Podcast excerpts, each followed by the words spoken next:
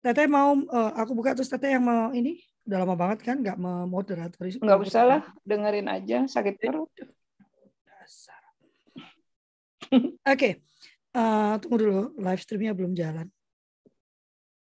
Oke. Okay.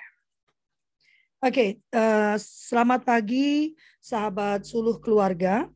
Uh, kita bertemu kembali dalam kultur parenting pagi edisi uh, hari Jumat ya Uh, kita ubah kalau dulu kan I uh, thank God it's Friday, kita ubah menjadi Friday dan free ya. Karena besok baru libur ya. Walaupun saya nggak ada libur ya itu sampai minggu pula ya dan ini edisi tanggal 22 April tahun 2022 kemarin kita baru memperingati Hari Kartini ya. Uh, walaupun untuk operate spesifik saja Hari Kartini karena sayanya sibuk banget ya dan hari ini harusnya hari Rabu kita punya hari untuk anak berkebutuhan khusus. Namun karena Kak Twinky kemarin berhalangan digeser ke hari Jumat. Dan pagi ini kita akan berbicara tentang diskalkulia. Ya, eh, banyak yang tidak memahami apa itu disleksia. Ya, saya sendiri juga diskalkulia gitu ada ya gitu ya. Nah pagi ini kita akan uh, mengenal siapa sih diskalkulia itu ya. Uh, silakan Kak Twinky. Ya, selamat pagi kakak-kakak semua. Selamat pagi. Saya izin untuk share ya, e, karena tadi Kak Lovely bilang kalau nggak kenal kita kan nggak nggak tahu orangnya ya, nggak kenal maka tak sayang. Jadi kita cek-cek dulu. Bentar, saya share screen.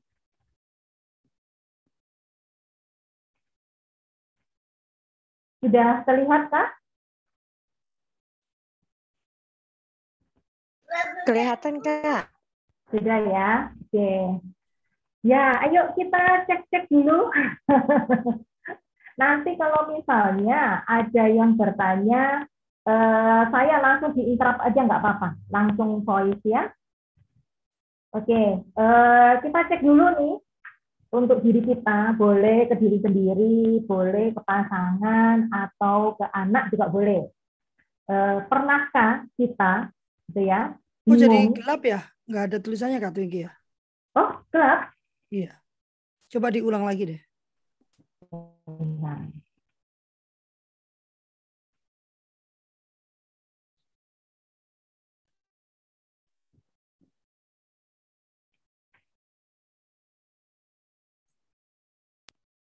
Ini terlihat kak?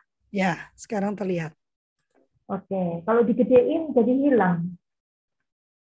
Bentar, coba lagi.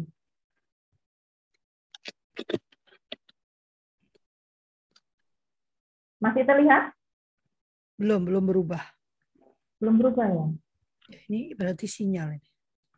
Iya, ya sudah, ini aja deh. Pokoknya yang penting kelihatan ya. Iya, iya. Ya, oke. E, kita cek dulu, apakah kita pernah mengalami kebingungan mengenai kanan atau kiri? Atau mungkin kita membutuhkan waktu nih untuk menentukan kanan itu sebelah mana, kiri sebelah mana. Jadi eh, ada jeda untuk kita berpikir mengenai kanan dan kiri. Mungkin eh, ini mah aku checklistnya iya iya iya semua. Atau mungkin kita ngomong ke kanan tapi tangannya ke kiri gitu ya, secara nggak sadar kayak gitu. Kemudian pernah nggak kita bingung arah? Seperti barat, sebelah mana, timur, selatan, utara, gitu ya. Ini tanpa pakai yang ini ya, kompas ya. Kemudian pernahkah juga kita mengalami kesulitan untuk memperkirakan jarak? Misalnya dari sini ke sekolah anak-anak gitu, misalnya eh, kira-kira berapa kilometer gitu. Atau dari sini kita ke pasar itu berapa kilometer gitu ya.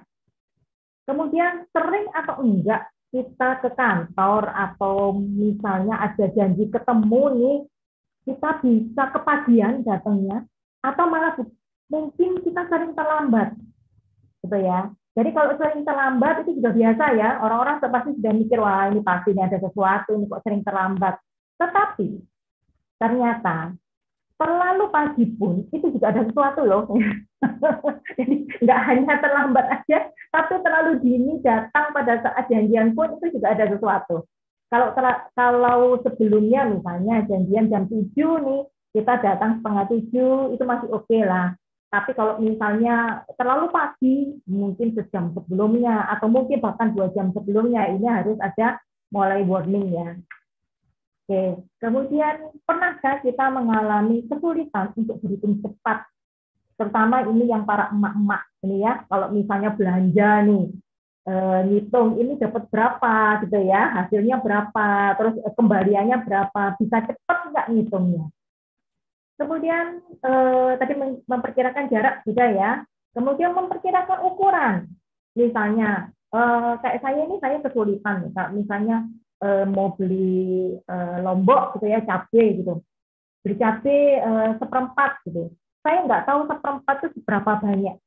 Jadi saya akan bertanya dulu seperempat itu seperti apa sih gitu. Jadi sama orangnya di, diukur dulu gitu ya, ditimbang dulu seperempat dia bilang gini, kalau saya bilang kurang, artinya tambah lagi seperempat. Gitu ya. Jadi saya saya nggak bisa memperkirakan ini berapa. Kemudian eh, seringkah kita nabrak, gitu ya, nabrak atau kesulitan saat parkir, atau misalnya eh, kita jalan, kenapa? Atau misalnya kita jalan tiba-tiba kita eh, di lantai, gitu ya, lantai itu kan mulus ya, nggak ada nggak ada polisi tidurnya dan sebagainya kalau di rumah ya. Pernahkah kita tiba-tiba kecekluk, kecekluk itu bahasa Indonesia apa ya? Kakinya miring begitu. Kemudian pernahkah kita jalan tiba-tiba kita nyenggol nih, nyenggol mungkin pinggirannya kursi gitu ya, pinggirannya meja gitu atau mungkin nabrak apa gitu.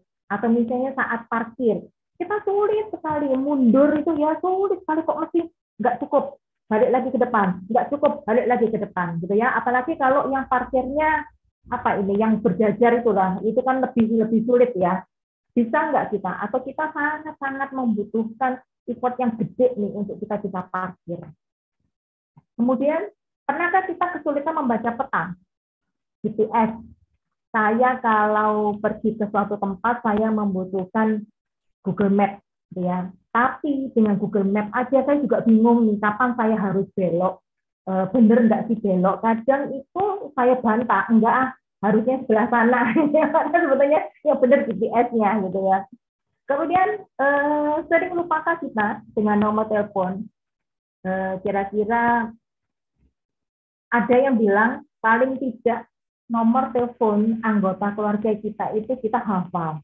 Tapi terus terang saya hanya hafal nomor saya sendiri dan nomor suami. Yang lainnya saya nggak hafal. Ya. Kemudian bingung dengan pekerjaan atau tugas yang menumpuk. Kalau banyak tugas, banyak pekerjaan, jadi bingung apa sih yang harus aku kerjakan. Kadang itu kita jadi blank gitu ya, diem. Aku mau kerjakan apa ya? Saking banyaknya tugas nih. Kemudian lupa memarkir mobil atau menyimpan barang di mana. Kunci biasanya ya bingung ini kunci aku taruh mana ya saya ingat aku taruh di sini tapi kok nggak ada gitu ya kemudian ke mall. Ah ini ini saya sekali nih ke mall gitu ya. Lupa kita markirnya di mana. Kita sudah sampai potret nih ya nomornya misalnya eh, J3 gitu ya atau B3 kita potret B3 Oke, begitu kita keluar kita bingung B3 sudah di B3 kita tapi bingung kita letak mobil kita ini diparkirnya di mana, sebelah mana, gitu ya. Itu. Uh, sudah adakah yang merasa tertohok? Selain Kak Lastri? Aku mau udah semua itu. Yes, yes, semua. yes, yes, yes, yes, yes, yes, yes. Keren. Banyak. Banyak ya. Oke. Okay. Sekarang nah, yang berikutnya, coba kita lihat untuk eh, anak-anak. Eh, ini ini dulu aku mau protes. Tayanti cuma nabrak. Coba yang lupa yang kita jalan muter-muter di mall tuh nyari parkir kita parkir. Nah, Terus yang kita bertengkar kalau mau pergi GPS-nya yang mana? Yo. Itu yang paling parah tuh nabrak. Kalau istilah Sunda tuh seredeg. Seredeg setelah ditabrak udah. Ayo, nomor telepon benar-benar ya hidup modern ini membantu saya banget.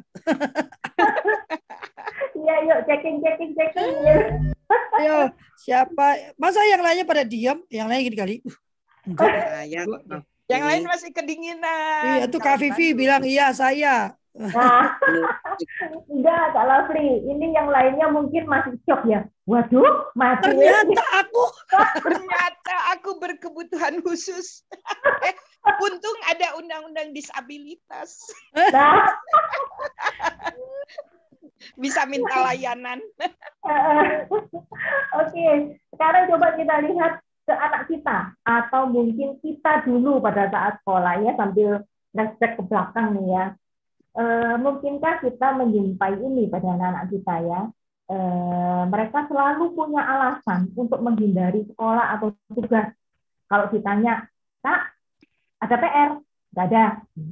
Kak, sudah ngerjakan PR? Sudah. Kak, tadi sekolah belajar apa? Nggak tahu. Terus sering malah kalau berhadapan dengan soal-soal, terutama soal-soal matematika.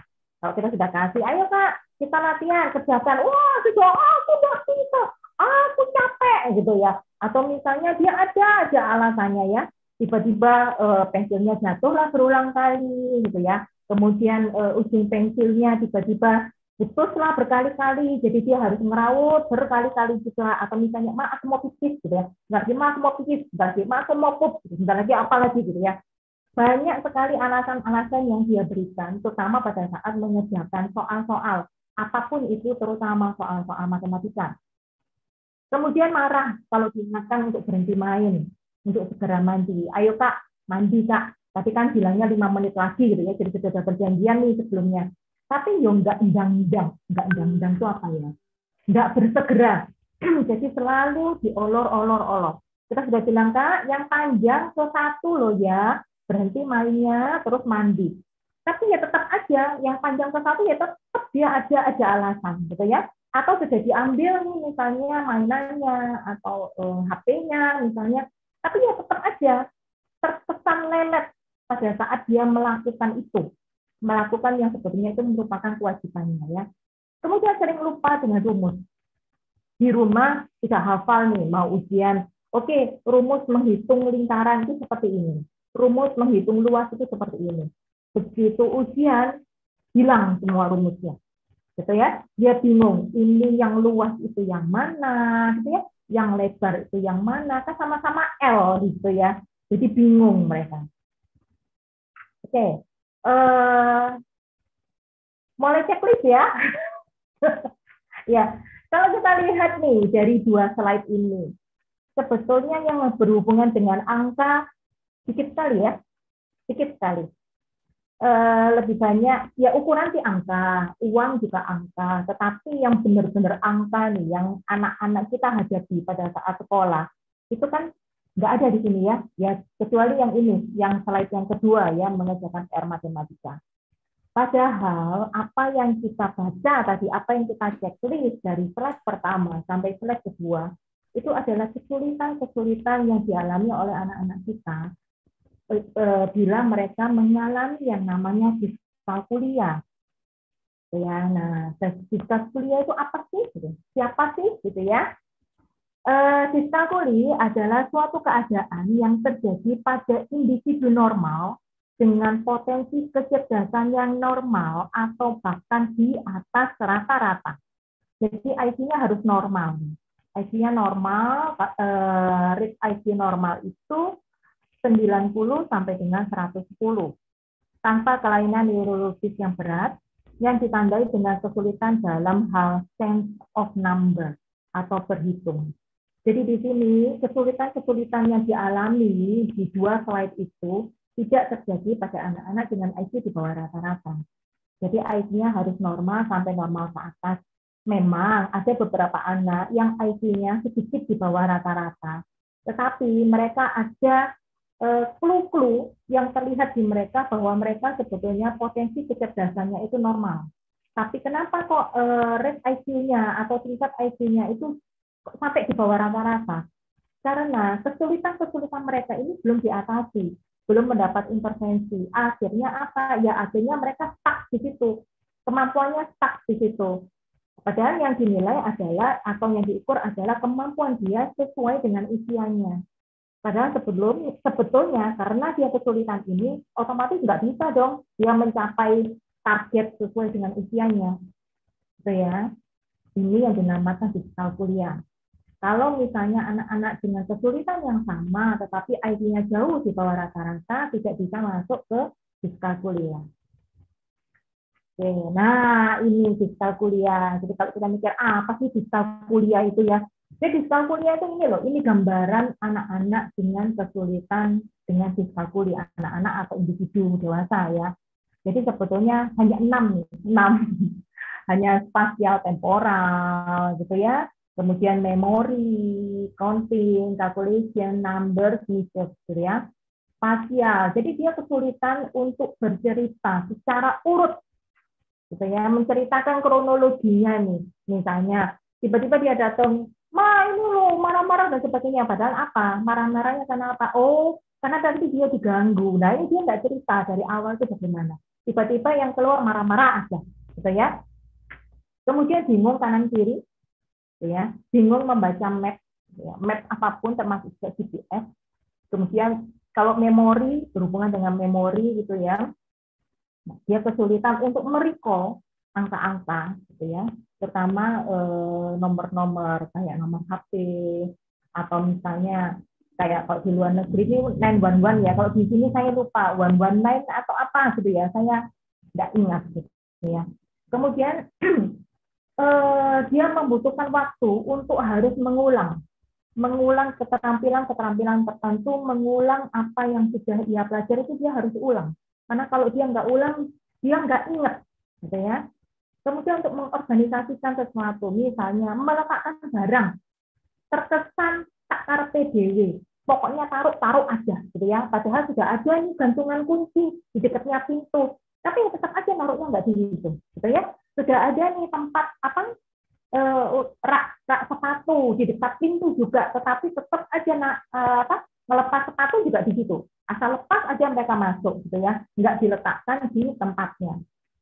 Kemudian untuk counting, dia kesulitan untuk berhitung maju, berhitung mundur. Nah ini anak-anak kadang nggak paham, kok bisa sih berhitung mundur gitu ya? Nah, ini caranya gimana? Nah, nanti kita bahas nanti sore, gitu ya. Kemudian sering sering hilang Eh, tempat. Tempat yang dimaksud di sini adalah nilai tempat. Jadi kalau puluhan itu tempatnya di mana gitu ya. Kalau ratusan itu tempatnya di mana, eh, ribuan tempatnya di mana. Nah, kalau mereka menghitungnya salah, terutama pada saat perhitungan ini ya, berhitung itu ya, akhirnya kan hasil akhirnya pasti salah, gitu ya. Nah, kemudian eh, dia kesulitan untuk menjawab dengan baik, terutama yang berkaitan dengan rumus-rumus kesulitan untuk mentransfer informasi uh, yang benar itu 5 tambah 4, 9 atau bagaimana gitu ya. Terutama kalau perkalian itu ya. Uh, dua kali tiga itu duanya tiga kali atau tiganya dua kali. Nah itu ya sebetulnya hasilnya sama, hasilnya sama, tetapi berpengaruh di berikutnya. Gitu ya. Berpengaruh di apa lah nanti kita bahas nanti sore. Kemudian untuk number, ini dia kesulitan untuk menempatkan itu tadi ya, yang puluhan dan sebagainya terus uh, kesulitan untuk mengetahui kronologinya gitu. Dia kesulitan kok bisa sih angka dua itu ada di sebelum angka tiga? Kok bisa sih angka tujuh itu ada setelah angka enam? Nah ini dia tidak paham. Ya, kemudian bingung dalam menghandle masalah uang untuk kembalian, kemudian berhitung uang. Jadi misalnya ada uang eh, 2000 dia harus uh, ada pensil seribuan, dia bisa dapat berapa pensil itu dengan uang 2000 itu, gitu ya. Uh, kemudian bingung dengan konsep matematika, ya, kecepatan, waktu terutama membedakan uh, waktu di jam digital sama analog ini sangat-sangat kesulitan. Kalau digital mungkin masih mudah ya, tapi begitu analog dia pasti bingung. Ini lewat berapa? Apalagi kan dia harus menghitung ya, ini lima menit, 10 menit. Nah, ini dia bingung. Gitu. Jadi ini adalah gambaran-gambaran kesulitan dari kita atau anak-anak yang mengalami dengan digital kuliah. Kasihan ya, banyak, banyak. Terlihatnya seperti enam, tapi banyak sekali. Dan tidak berhenti di sini. Tapi yang dua slide itu aja itu sebenarnya belum semua. Tetapi itu adalah gambaran-gambaran yang paling sering kita jumpai. Oke, nah ini apa sih yang bisa kita lakukan? Gitu ya. Nah, ini pertama, jangan panik jangan stres, jangan marah. Tarik napas dulu. Kemudian kalau kita tahu anak kita mengalami kesulitan seperti itu, cepat cari bantuan. Teskan anak kita, cari tahu apa sih kesulitannya, gitu ya. Ada namanya enggak sih? Kalau kita tahu namanya, oh ternyata anakku diskalkuli. Jadi sebetulnya dari IQ dia nggak ada masalah nih. Tapi kenapa dia kesulitan di situ? Kok nggak paham-paham sih? Kok nggak inget-inget sih? Akhirnya kita bisa cari bantuan. Oh ternyata ngajarin anak-anak dengan diskalkuli itu caranya begini kan. Artinya apa sih yang bisa kita lakukan gitu ya? Dan yang terpenting adalah jangan sesali apa yang sudah terjadi. Iya sudah, terima, kemudian kita berpikir ke depan. Kalau kita menyesali, terus kita mulai ini menyalahkan karena eh, disleksia, diskalkuli, disgrafia ini jadi satu ya. Eh, mereka berteman erat. Kemudian eh, penyebabnya adalah genetik bagian besar. Jadi jangan sampai kita akhirnya menyalahkan suami, gitu ya, menyalahkan mertua dan sebagainya, padahal dirinya sendiri ini yang diseleksi atau diskalkuli, gitu ya. Jadi cepat kita eh, bantu anak mengatasi kesulitannya, cari akar masalahnya dulu, Kenapa sih anak matematika? Gitu ya, tapi yang di slide kedua. Kenapa sih itu semua ada di anakku? Artinya dia mengalami sesuatu, dia mengalami kesulitan. Jangan buru-buru kita marah, jangan buru-buru kita bilang itu aja nggak bisa kemarin kita sudah belajar sekarang lupa gitu. Ya memang dia lupa gitu. Gitu ya. E, kemudian untuk ke belakang kita lihat kesulitan anak kita itu sampai di batas mana sih? dia bisanya dan di batas mana dia mengalami kesulitan. Kita mulainya dari situ. Karena kalau kita langsung bingung dengan mengejar target sekolah tanpa kita mematangkan yang dia kesulitan ini, ya nggak bisa. Ibaratnya ini kan fondasi ya. Kalau fondasinya belum kuat, kita nggak bisa nih bangun rumah sampai tinggi sampai bagus. Jadi selesaikan dulu, perkuat dulu fondasinya, baru kita naik pelan-pelan. Jadi ini, sementara tutup mata dulu, dengan target kelas anak. Selesaikan dulu kesulitan anak, baru kita maju. Karena dengan kita menyelesaikan kesulitan anak, dengan kita memberikan coping strategi untuk anak, majunya akan lebih mudah. Anak juga tidak akan mengalami atau eh, cari-cari alasan untuk dia tidak mengerjakan soal-soal. Gitu ya. Jadi selesaikan dulu kesulitan anak, kemudian mulai maju perlahan-lahan. Oke, yang berikutnya tahapan awal untuk anak paham matematika awal ya. Jadi benar-benar di awal. Jadi di awal itu yang harus dikenal anak adalah belajar di pre-akademik. Pre-akademik ini biasanya diberikan pada saat anak-anak di usia playgroup sampai usia TK ya jadi di situ mereka mengenal ukuran mana yang lebih besar mana yang lebih kecil gitu ya. Mana yang lebih panjang mana yang lebih pendek mana yang lebih tinggi mana yang lebih rendah kemudian preposisi depan, belakang, kanan, kiri, sebelum, sesudah, gitu ya. Ini kan anak-anak bingung ya sebelum, sesudah, kemudian awal, akhir, gitu ya. Kemudian mana yang sama, mana yang beda. Lah ini mereka juga harus paham. Itu dulu. Setelah itu yang kedua baru mereka diajarkan untuk berhitung secara verbal. Verbal ya. Jadi di sini anak belum tahu bentuk angka. Dia hanya baru bisa bicara ngomong eh, satu dua tiga empat gitu ya. Tapi dia belum paham satu itu seperti apa dua seperti apa bentuknya seperti apa. Nah kemudian baru nih memahamkan konsep angkanya. Angkanya. Konsep ya. Jadi belum ke angka. Jadi dipahamkan satu itu maksudnya ya bendanya cuma satu. Kalau dua ada dua nih bendanya. Misalnya telurnya ada dua. Kalau tiga ya telurnya ada tiga dulu. Kemudian baru kita mengenalkan bentuk angkanya. Kalau hitungan satu, ya dikatakan satu, telurnya cuma satu, bentuk angkanya seperti tiang, gitu ya. Kalau dua, telurnya ada dua, bentuknya seperti bebek. Baru dia mengenal bentuk angkanya. Kemudian mulai kita memahamkan kenapa sih angka dua itu sebelum angka tiga dan angka 5 setelah angka 4. Ya, karena semakin lama kan semakin banyak. Nah, balik lagi ini ke nomor satu, gitu ya. Makanya kenapa anak harus belajar kayak akademik dulu, gitu ya. Belajar ukuran, belajar mana yang sama, mana yang lebih besar, kemudian preposisi, gitu ya. Mana sebelum, mana sesudah. Kemudian mengajarkan anak berhitung maju dan berhitung mundur. Kelihatannya mudah, tetapi itu sulit untuk anak. Apalagi kita bilang, ayo hitungnya mundur, mundurnya itu kayak apa? Gitu Jadi ini bisa nih caranya eh, di lantai gitu ya, kita bisa tulis pakai spidol dari bawah gitu ya, satu, dua, tiga, empat, lima gitu. Jadi anak diajarkan, ayo dari angka satu kita maju dua langkah, hitung maju deh. Jadi ya kakinya juga maju dua, tiga. Oh berhenti di angka tiga dari angka satu gitu ya. Sekarang dari angka lima mundur dua langkah. Nah mundur. Jadi bukannya anak balik badan kemudian maju, tetapi ya mundur beneran. Jadi berikutnya anak akan paham tanpa dia melakukan gerakan motorik kasar itu dia paham Oh ternyata kalau maju itu seperti ini loh. Angkanya bertambah. Kalau mundur itu angkanya berkurang. Nah, dengan kita paham seperti itu akan lebih mudah mengajari pengurangan terutama ya. Kalau anak sudah paham mana angka yang besar, mana angka yang kecil itu akan jauh lebih mudah dibandingkan kalau misalnya eh, mama-mama atau kakak-kakak di sini mengajarkan anak eh, dua ditambah tiga, ayo tiganya di mulut, duanya di tangan, itu bingung. Karena dia nggak bisa lihat di mulut itu benar lagi ada angka tiga, ya. Jadi yang caranya benar bagaimana angka tiganya di, dilingkari dulu. Mana dek yang gede di angkanya dilingkari dulu. Oke, sekarang yang nggak dilingkari buat jari. Gitu ya. Oke, dibaca yang dilingkari. Dia kan baca tiga, hitung maju empat, lima. Itu akan lebih mudah. Itu penjumlahan. Pengurangan juga sama. Ayo dek, dibaca yang dilingkari. Tiga. Hitung mundur sekarang. Habis tiga, dua, satu. Gitu ya. Itu akan lebih mudah. Dan sekali lagi balik lagi ke pre-akademik. Gitu ya. Kemudian eh, berikan anak-anak kisi-kisi atau kata-kata yang berhubungan dengan penjumlahan dan pengurangan, terutama di soal cerita.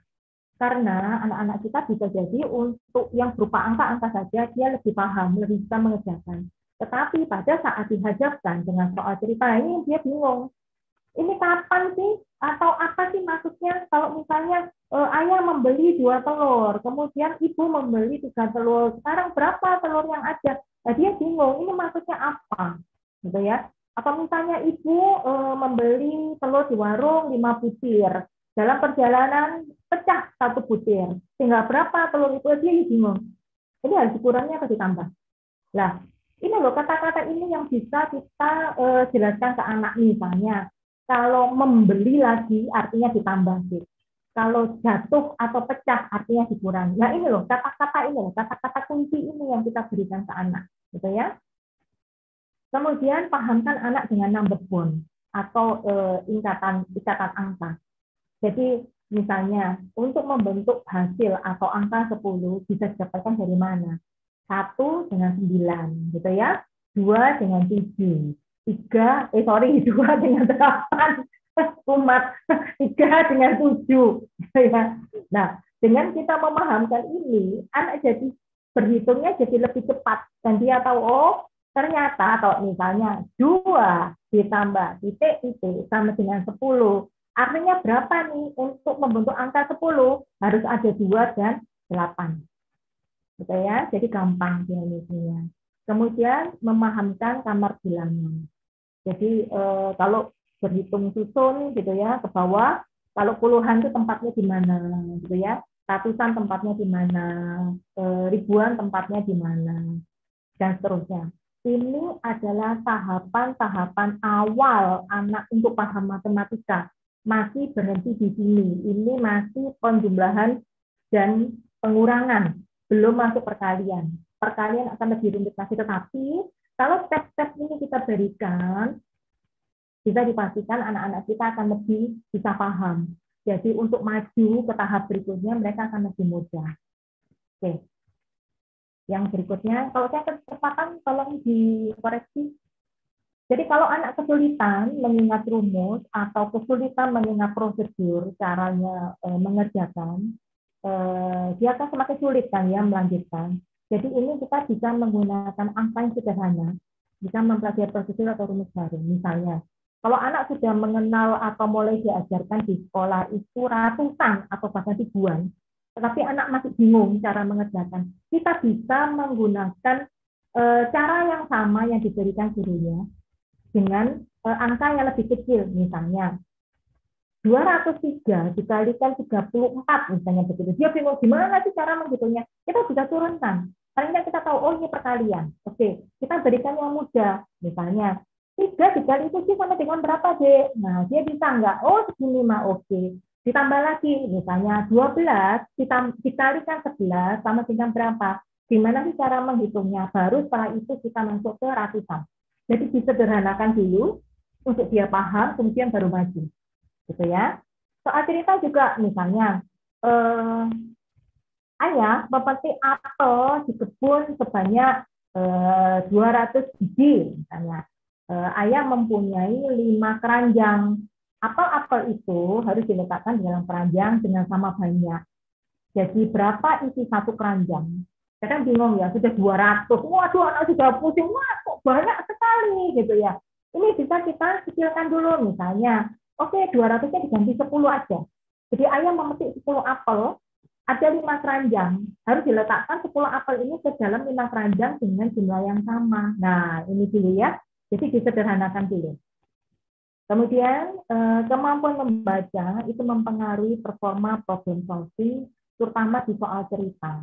Jadi kalau kemampuan baca anak kita masih terbata-bata, masih apa ini ya e, mengeja satu persatu otomatis paham kan dia juga masih sulit ya otomatis juga untuk menyelesaikan soal cerita juga dia akan mengalami kesulitan jadi memang e, latih dulu kemampuan membacanya sambil dipahamkan ini maksudnya apa sih gitu ya membacanya harus bagaimana sih untuk dia bisa paham Kemudian kecepatan mengerjakan itu waktunya lebih lambat, gitu ya, lambat menyalin, gitu ya, finger juga nggak bisa cepat dan semuanya pakai finger counting, jadi ya nggak terampil dalam kegiatan sequencing.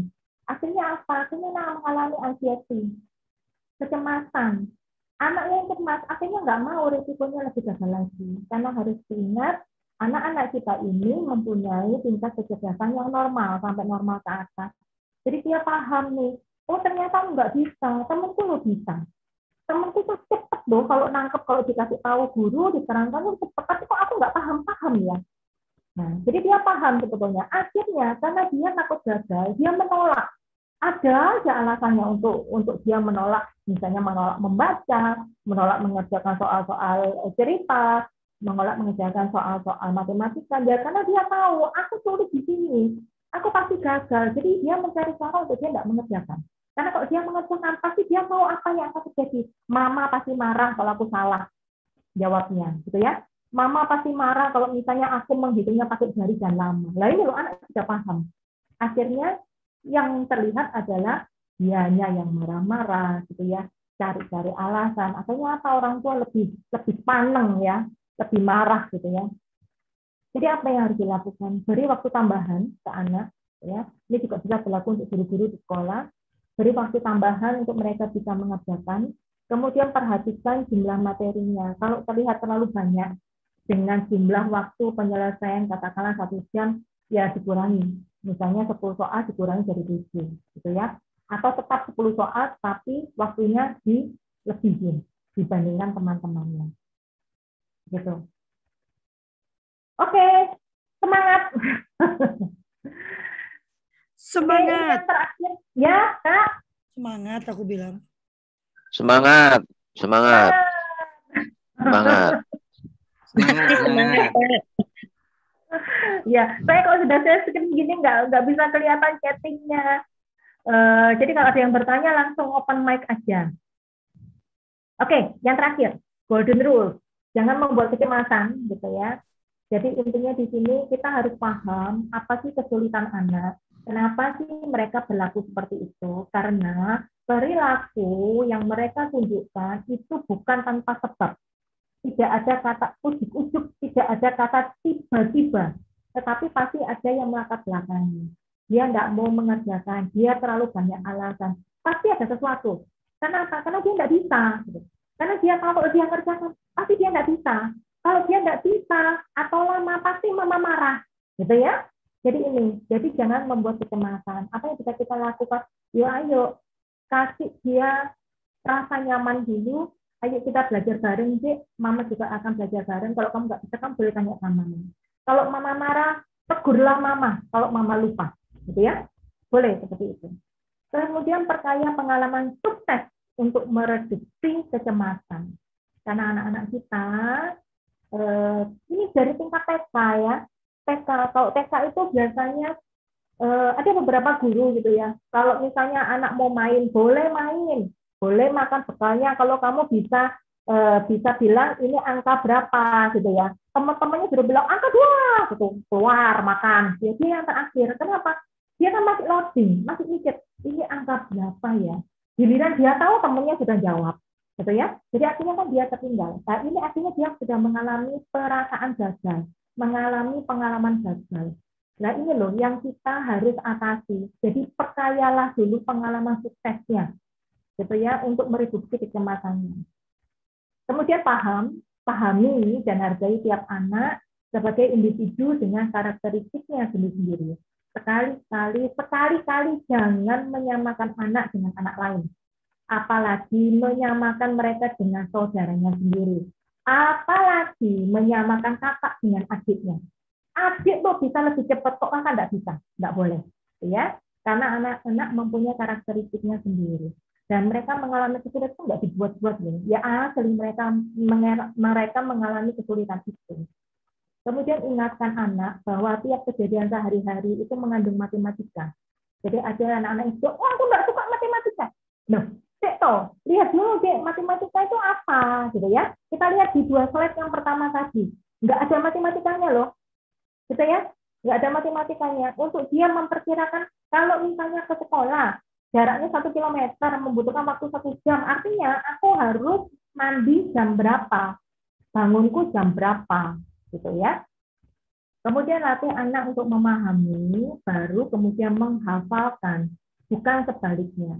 Kalau anak tidak hafal, misalnya dengan rumus matematika atau misalnya dengan perkalian, gimana sih caranya supaya mereka tidak menghafal? Nah ini ada caranya, nanti sore kami ajarkan semua. Kemudian pahami bentuk kesalahan menghitung yang terjadi, bukan sekedar langsung mengkoreksinya.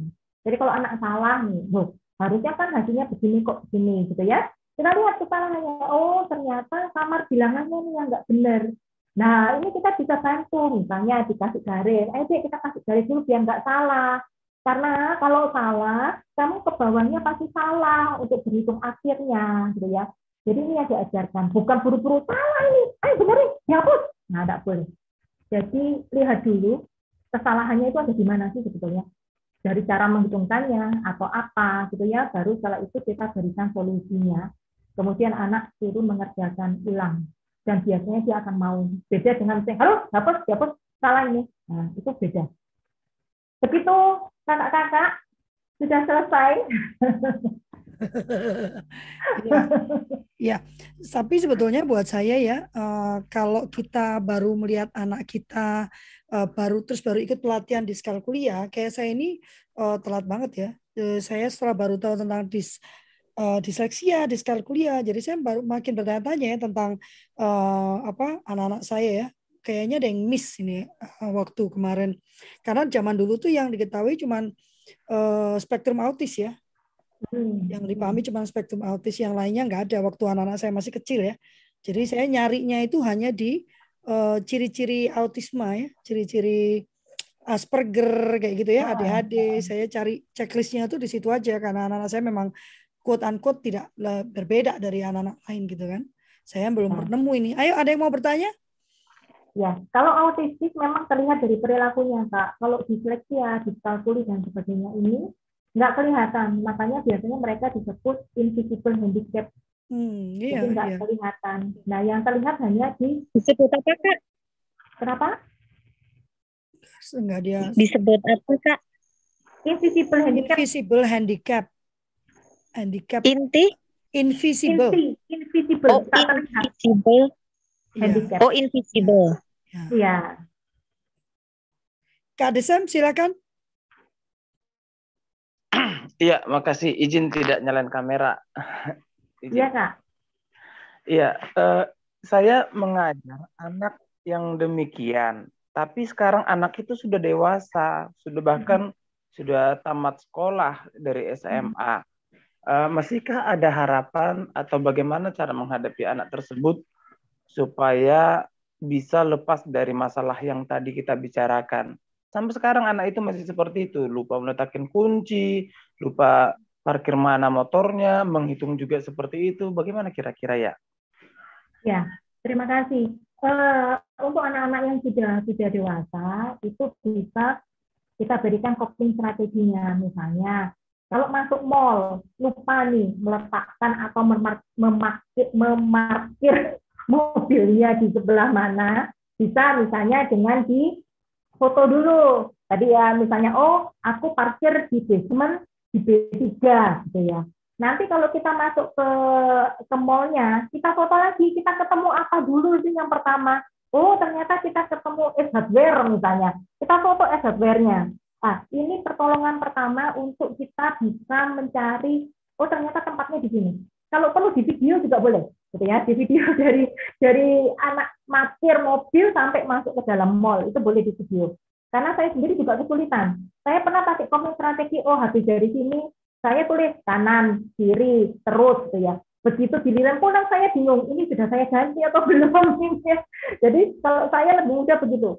Jadi saya foto dulu, saya parkirnya di sebelah mana, kemudian saya masuk mall, itu saya eh, ketemu toko yang pertama itu sebelah mana atau apa.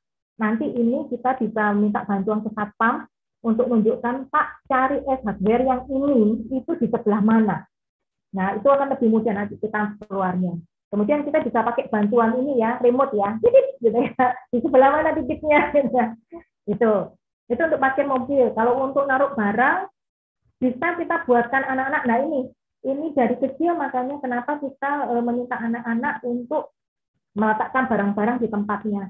Dan jangan capek-capek kita para emak terutama untuk selalu mengingatkan adik kuncinya taruh mana, adik bajunya taruh mana, adik sepatunya taruh di mana? Gitu ya. Dengan kita mengorganisir ini cara peletakannya lah sampai gede dia juga akan paham. Oke sebelum masuk rumah sepatu dilepas taruh di rak gitu ya kunci letakkan di gantungan. Nah untuk anak-anak yang sudah besar nih yang sebenarnya tidak ada kata terlambat sih tidak ada kata terlambat. Karena memang eh, disleksia, diskalkulia, disgrafia ini kita akan pandang seumur hidup. Tetapi dengan semakin besarnya kita, dengan semakin dewasanya kita, kita bisa mencari coping strategi, gitu ya. Jadi eh, oke, okay, siapkan tempat khusus untuk meletakkan sesuatu, misalnya meletakkan kunci di gantungan atau mungkin di mangkok yang di dekatnya pintu, misalnya begitu. Nah, coping-coping strategi ini Pak yang bisa kita berikan. Begitu? Menjawabkah? Terima kasih. Sama-sama. Kebayang ya, zaman dulu aku nggak ada handphone itu kan, aduh. iya, handphone tuh benar-benar membantu. Silakan Kak Feni. Ya, terima kasih kalau Lovely. Selamat pagi Kak Twinky. Selamat pagi. Uh, saya mau tanyakan tadi tadi yang um, statementnya terakhir Kak Twinky mengenai uh, meredam kecemasan anak. Nah, uh, ini saya um, pada anak saya seperti itu Kak Twinky seperti yang Kak Twinky tadi ceritakan uh, dia belum belum uh, baru saya buatkan soal baru hanya lima soal dan ketika dia tahu bahwa soal yang saya berikan itu konsep perkalian di mana hmm. konsep perkalian ini sangat sulit untuk anak kelas 2 SD uh, memahami konsep ini uh, kalau tidak konkret saya nggak tahu uh, gurunya di sekolah mengajarkannya seperti apa, apakah dalam bentuk konkret dengan uh, apa ada kinestetiknya atau bagaimana. Sampai sekarang dia tuh belum ngerti-ngerti namanya konsep perkalian. Nah itu dia sangat cemas sekali. Nah untuk meredam, saya pingin uh, uh, penjelasan dari Kak bagaimana cara meredam kecemasan itu sebelum dia uh, mengerjakan soal. Jadi dia udah reject duluan gitu. Sebelum dia ngerjain dia udah reject duluan. Padahal saya tuh saya saya berusaha tidak marah, tidak menekan atau nyubit apalagi gitu. Enggak, tapi dia udah udah ketakutan gitu. Kenapa tuh ya Kak Twinky? Terima kasih. Ya Kak, e, memang banyak anak termasuk saya sendiri ya. Kalau misalnya sudah dengar kata matematika tuh wah sudah momok gitu ya. Kalau kamu enggak usah ada matematika deh. Saya juga sampai detik ini kalau saya menghitung begini ya Bu, iya deh. Terserah mau menghitungnya berapa, saya bayar. Karena saya kesulitan untuk berhitung gitu ya. kita ajak main dulu aja Kak Feni. Misalnya begini, adik kalau misalnya dia kesulitan untuk menghafal ya, kita buat e, permainan. Jadi begini, ayo kita sekarang bermain, gitu ya. Mama punya cara baru, misalnya berhitung perkalian lima. Kita pakai tangan yuk, nggak usah menghafalkan. Menghafalkan itu capek. Kita pakai tangan aja. Misalnya, lima dikalikan tujuh Ayo sekarang tujuhnya dibuat di jari gitu ya. Caranya bagaimana? Satu jari itu nilainya 5. Jadi kalau dua jari adalah 10. Kita tutup dua-dua. Jadi 10, 20, 30. Sisa satu, artinya 5 dikali 7 sama dengan 35. Begitu Kak. Jadi kita buat happy dulu, nggak usah dikasih soal-soal dulu Kak. Oh, oh. Bisa misalnya di whiteboard, ayo kak tulis kak. Misalnya pokoknya pertanyaan lima terserah mau lima kali berapa? Dia bilang oh lima kali sepuluh mak. Boleh tulis lima kali sepuluh. Dia tulis nih lima kali sepuluh. Oke artinya di tangan berapa? Sepuluh. Oke tutup dua dua dia kan nutup ya. Sepuluh dua puluh tiga puluh empat puluh lima puluh. Lima puluh dia nulis lima puluh. Happy. Dibuat happy dulu. Banyak sekali kakak cara-cara yang kita nggak perlu menghafal perkalian. Gitu ya semua dengan tangan. Perkalian dua juga dengan tangan, perkalian tiga juga dengan tangan, sampai empat dengan tangan, terusnya semua pakai tangan. Ya, jadi tidak usah anak bingung dengan menghafal. Kalau saya dulu, orang tua saya kan masih lama ya, eh, pola pengajarannya lama, saya disuruh berdiri untuk menghafalkan dua kali satu sampai dua kali sepuluh dan seterusnya, gitu ya. Nah itu membuat saya stres, stres sekali karena saya kesulitan, gitu ya. Nah sekarang jangan dong dibuat stres. Buat yang happy, buat yang menyenangkan. Begitu caranya. Itu ya Kak ya. Jadi buat menyenangkan dulu, jangan langsung diberikan soal-soal, buat dia paham dulu. Kemudian dia dipahamkan, kalau dua dikali tiga itu apa sih sebetulnya? Duanya tiga kali, atau tiganya dua kali. Gitu. Baru setelah itu kita berhitung. Ini bisa berhitung dengan cepat, ya Kak. Cepat sekali nanti hitungnya. Begitu Kak. Ya, terima kasih Kak Twinky. Sama-sama. Makanya aku dulu homeschooling ya, soalnya tiap kali pulang ya aku harus mengulang dari awal karena anakku kan harus uh, apa tuh tadi nggak bisa abstrak, jadi harus harus real kan. Nah, guru-guru dengan 40 anak, 45, 40 anak nggak mungkin menjelaskan satu-satu dengan real ya, belum lagi Betul. dikejar dikejar target pembelajaran kan. Jadi dua kali dua, makanya saya dulu punya apa Pebbles apa kerikil tuh banyak banget Kak Feni. Uh. Maka tidak bisa menghitung kalau tidak ada kerikilnya. Kalau Deli abstraknya lebih bagus. Ada lagi yang mau bertanya? Kita masih punya waktu. Kita tambah lima menit ya Kak Twinky. Iya, silakan. Ya, ada yang mau bertanya lagi Kak? Dan sahabat, nanti sore kita punya ya. Dan Kak Twinky akan menjelaskan secara detail teknik-teknik membantu anak-anak kita. Kak Popi silakan. Baik, maaf saya izin mematikan kamera juga ya di Bogor habis hujan jadi sinyalnya makanya kembang kempis gitu suaranya jadi putus-putus. Uh, saya mau tanya begini, Kak Tundi, kalau anak-anak itu biasanya kan penjumlahan tuh cenderung lebih mudah ya ketimbang pengurangan. Nah, konsep pengajarannya bagaimana ya? Tapi kalau ditambah, kita ngomong ditambah, ditambah itu kayaknya mudah gitu. Tapi coba uh, lima ada lima telur dikurangi tiga atau diambil tiga. Nah, itu kadang masih bingung jawabnya satu. Terus nanti kadang jawabnya semaunya, diambil bagian belakangnya tiga gitu. Nah, untuk pembelajarannya bagaimana ya Kak? Terima kasih Kak Twinky. Oke, terima kasih Kak Popi. Jadi begini, uh, misalnya ini kayak soal cerita ya, kalau tadi Kak Popi bilang ya. Jadi lima telur, uh, diambil dua telur, bisa berapa gitu ya. Bisa kita menuliskan angkanya, Kak. Jadi di papan gitu ya, kita tuliskan angkanya 5 telur. Jadi tulis 5 eh, diambil dua. Artinya diambil itu diapakan kak? Gitu kok dia bilang dikurangi mah oke okay. ditulis. Strip ini ya min dua sama dengan gitu. Oke sekarang kalau pengurangan artinya berhitungnya mundur. Betul kan ya? Berhitung mundur. Oke sekarang kamu eh, injak angka lima. Jadi bikin bikin satu dua tiga empat lima di lantai. Jadi minta anak untuk menginjak angka lima, kemudian berhitung mundur dua. Jadi melangkah mundur dua. Oke, artinya kamu sekarang injak angka berapa nih? Kalau dia bilang angka tiga, oke, jadi eh, apa hasilnya adalah tiga. Nah berikutnya tidak pakai eh, apa tidak pakai angka yang ditulis di lantai, tetapi anak langsung berhitung lima diambil dua, diambil dua artinya dikurang dua, dikurang dua artinya harus mundur kak. Nah yang besar yang mana gitu ya? Yang besar kan angka lima, dilingkari dulu yang lima. Oke, angka yang nggak dilingkari taruh di jari. Sekarang berhitung mundur. Disebutkan angka yang dilingkari lima, empat, tiga gitu ya. Jadi dengan anak paham, oh berhitung mundur itu seperti ini toh. Jadi kita pakai karena gini, pembelajaran kalau hanya visual sama uh, auditor, eh, sorry, uh, kalau hanya uh, visual dan auditori aja, itu biasanya kurang mancep anak ya, karena dia nggak paham ini maksudnya apa gitu. Jadi berilah pengajaran yang melibatkan seluruh panca inderanya.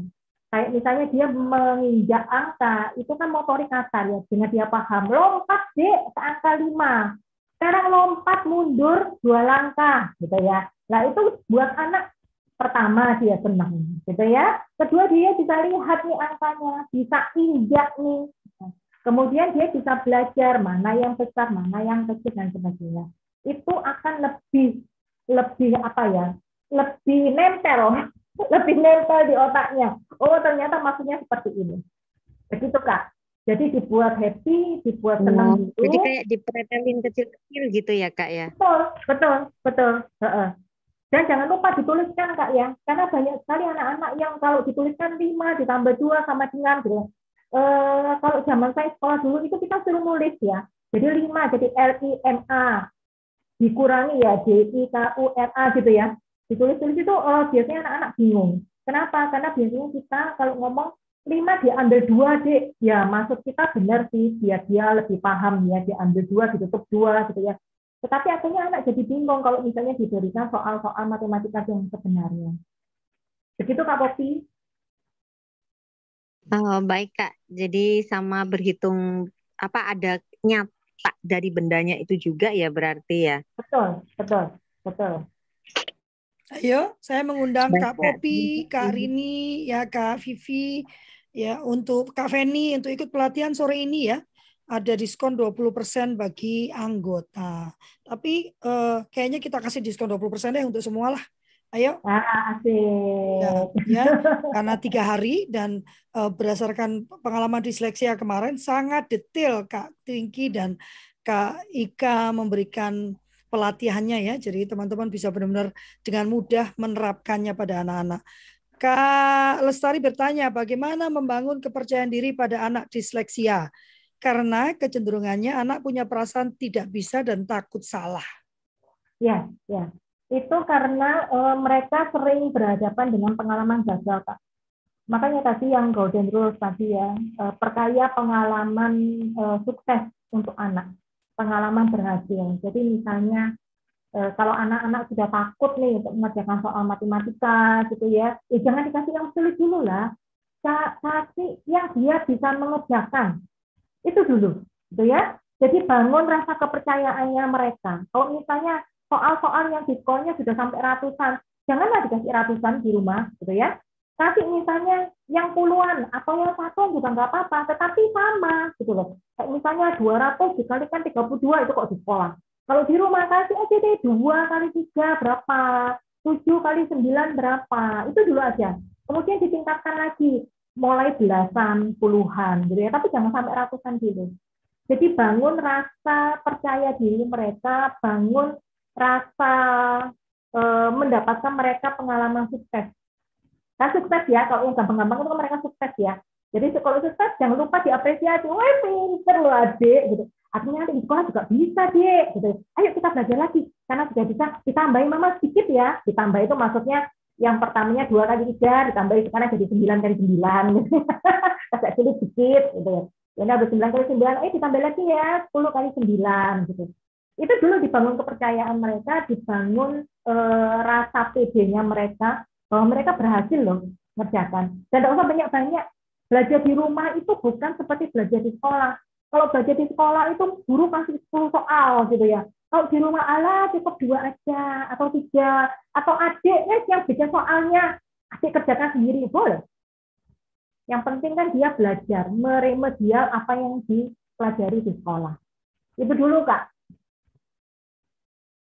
Ya, nanti sore kalau ya, kakak-kakak Ya, kalau kakak-kakak ikut, kami akan memberikan banyak sekali coping strategi oh. yang bisa di, uh, dikerjakan, diaplikasikan ke anak-anak.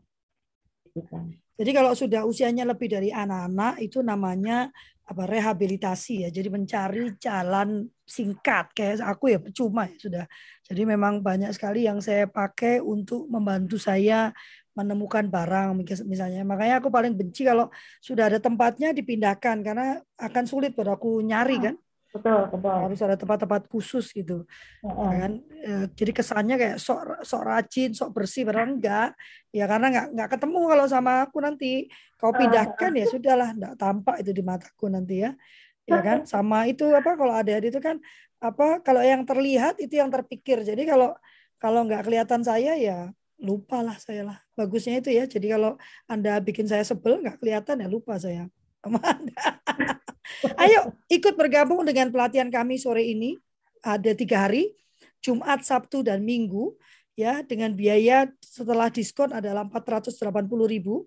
Ya, aduh kak, Ayo, ada ada cara pembayaran yang bisa ramah untuk Anda. Silakan kontak saya dan kontak Kak Deli. Nanti saya bisikin cara ramah untuk melakukan pembayarannya ya. Eh, yang penting ilmunya Anda dapatkan karena sayang sekali. Eh, terima kasih banyak Kak Twinky ya. Eh, saya yakin masih banyak pertanyaan yang ingin disampaikan tapi waktunya ya.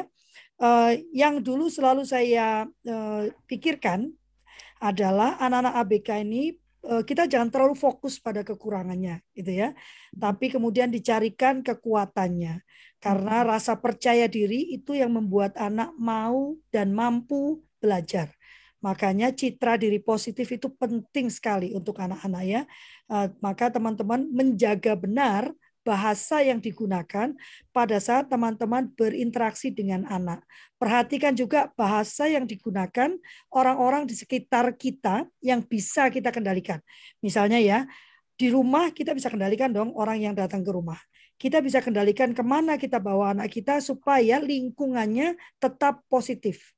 Ya, saya dulu paling sering itu karena anak, -anak saya itu hiperaktif ya, eh, dan sehingga sampai umur enam tahun saya itu seperti hidup di gua. Saya tidak mengizinkan siapa pun yang tidak mau berbahasa positif untuk dekat-dekat dengan anak saya. Ya, karena sampai umur 6 tahun saya percaya 6 7 tahun saya percaya citra diri dia harus benar-benar positif. Baru nanti ketemu orang lain dia bisa memaklumi ketidakpahaman orang lain atas kondisi dia. Tapi sebelum itu saya benar-benar uh, apa mengisolasi anak-anak supaya benar-benar percaya bahwa dia itu anak yang berharga. Kalau sudah umur tujuh tahun dia sudah bilang ah nggak apa-apa, yang penting mama nggak nggak masalah gitu ya. Eh, yang nggak uh, masalah dia tidak suka dengan saya, yang penting mama nggak gitu ya. Sekarang pun luar biasanya itu yang disampaikan anak-anak ke saya. Karena kan saya juga merasa tersinggung atau sedih dengan perkataan orang. Mereka selalu bilang, mah, nggak usah dengarkan mereka, lihat kami saja. Dan hmm. buat kami mama ibu yang sangat baik dan sempurna. Jadi mama nggak usah dengarkan orang lain. Jadi luar biasa ya. Apa yang dulu saya perkatakan, sekarang mereka perkatakan kepada saya. Jadi ayo, saya selalu sampaikan, ayo investasikan hati Anda. Investasikan cinta Anda pada anak-anak Anda ya. Bukan duit, ya, bukan cuma waktu, tapi hati dan cinta. Kalau hati dan cinta sudah diinvestasikan, maka Anda akan bilang, oh saya sudah menginvestasikan waktu saya. Itu sudah include ya. Terima kasih banyak sudah jam 8 lebih 11 kita ketemu lagi di hari Senin. Ya, semangat puasa. Uh, kultur parenting pagi akan libur pada saat bulan uh, hari raya ya. Hari raya baru kita libur ya, tapi pas dua harinya saja. Setelah itu kita berkumpul lagi karena kalau libur justru banyak yang punya waktu ya. Selamat menjalankan puasa, gunakan hari ini untuk memeluk anak Anda, mencium anak Anda, dan paling penting katakan pada anak Anda bahwa Anda menyayanginya, ya, tidak usah ditanya sudah bisa apa, tidak usah ditanya prestasinya apa, hanya saya sayang kamu ya nak, bagaimanapun kamu, jangan khawatir, mama tetap sayang dan cinta sama kamu ya. Terima kasih banyak, uh, kita foto dulu, nah hampir lupa kan foto kan, ah Yanti, akhirnya buka lagi, kita kasih hatinya. Satu. Oh, itu dia. Satu, dua, tiga. Nah ya. Ya. Ya, terima kasih banyak. Kita ketemu lagi di hari Senin. Teh, nanti jam berapa kita? Satu. Jam tiga. Eh, jam 3, jangan lupa ya. Oke, terima kasih. Uh, saya memohon maaf apabila ada pernyataan, perkataan, gestur yang kurang berkenan. Kami tidak ingin menggurui, kami tidak ingin merendahkan, kami tidak ingin menghakimi. Kami hanya ingin membagikan apa yang menjadi keyakinan kami. Saya yakin semua yang disampaikan Kak Agusti, eh, Kak Twinky itu juga dia lakukan terhadap anak-anaknya, ya. Dan yang paling penting juga yang kami kerjakan dalam kehidupan kami sehari-hari. Terima kasih banyak. Wassalamualaikum warahmatullahi wabarakatuh. Tayanti mau menyampaikan sesuatu? Udah cukup banyak. Oh, Oke. Okay. Tuhan Lagi, memberkati. Itu kok aku nggak mengenali rumahmu ya? Gitu ya. Yes, yes, yes, yes, yes, yes. Ya semuanya iya. Kita semua diskalkuli ya. Uh, ya, oke. Okay. Wassalamualaikum warahmatullahi wabarakatuh. Waalaikumsalam warahmatullahi wabarakatuh. Terima kasih. Selamat pagi. Terima kasih Kak Rini, Kak Vivi, Kak Tini, Dokter Ferry, Kak Elizabeth, Kak Lestari, Kak Fatima, Kak Desem, Kak IPP, Kak Popi, Kak Kulbi, Kak Kulbi siapa ya? Kak Titi, Kak Lili, Pak Mutakin, Kak Feni. Aku kayak merasa Titin, merasa kurang ajar banget itu kalau manggil Pak Mutakin, Kak Mutakin. Jadi tetap Pak Mutakin. Allah ke Pak Irwan juga kakak kok. Cuman Pak Mutakin kan udah putih semua rambutnya kalau Pak Irwan. Oke. Oke, terima, terima kasih. kasih. Terima kasih Kak Twinky. Sampai ketemu nanti sore ya. Terima kasih ya. banyak ya.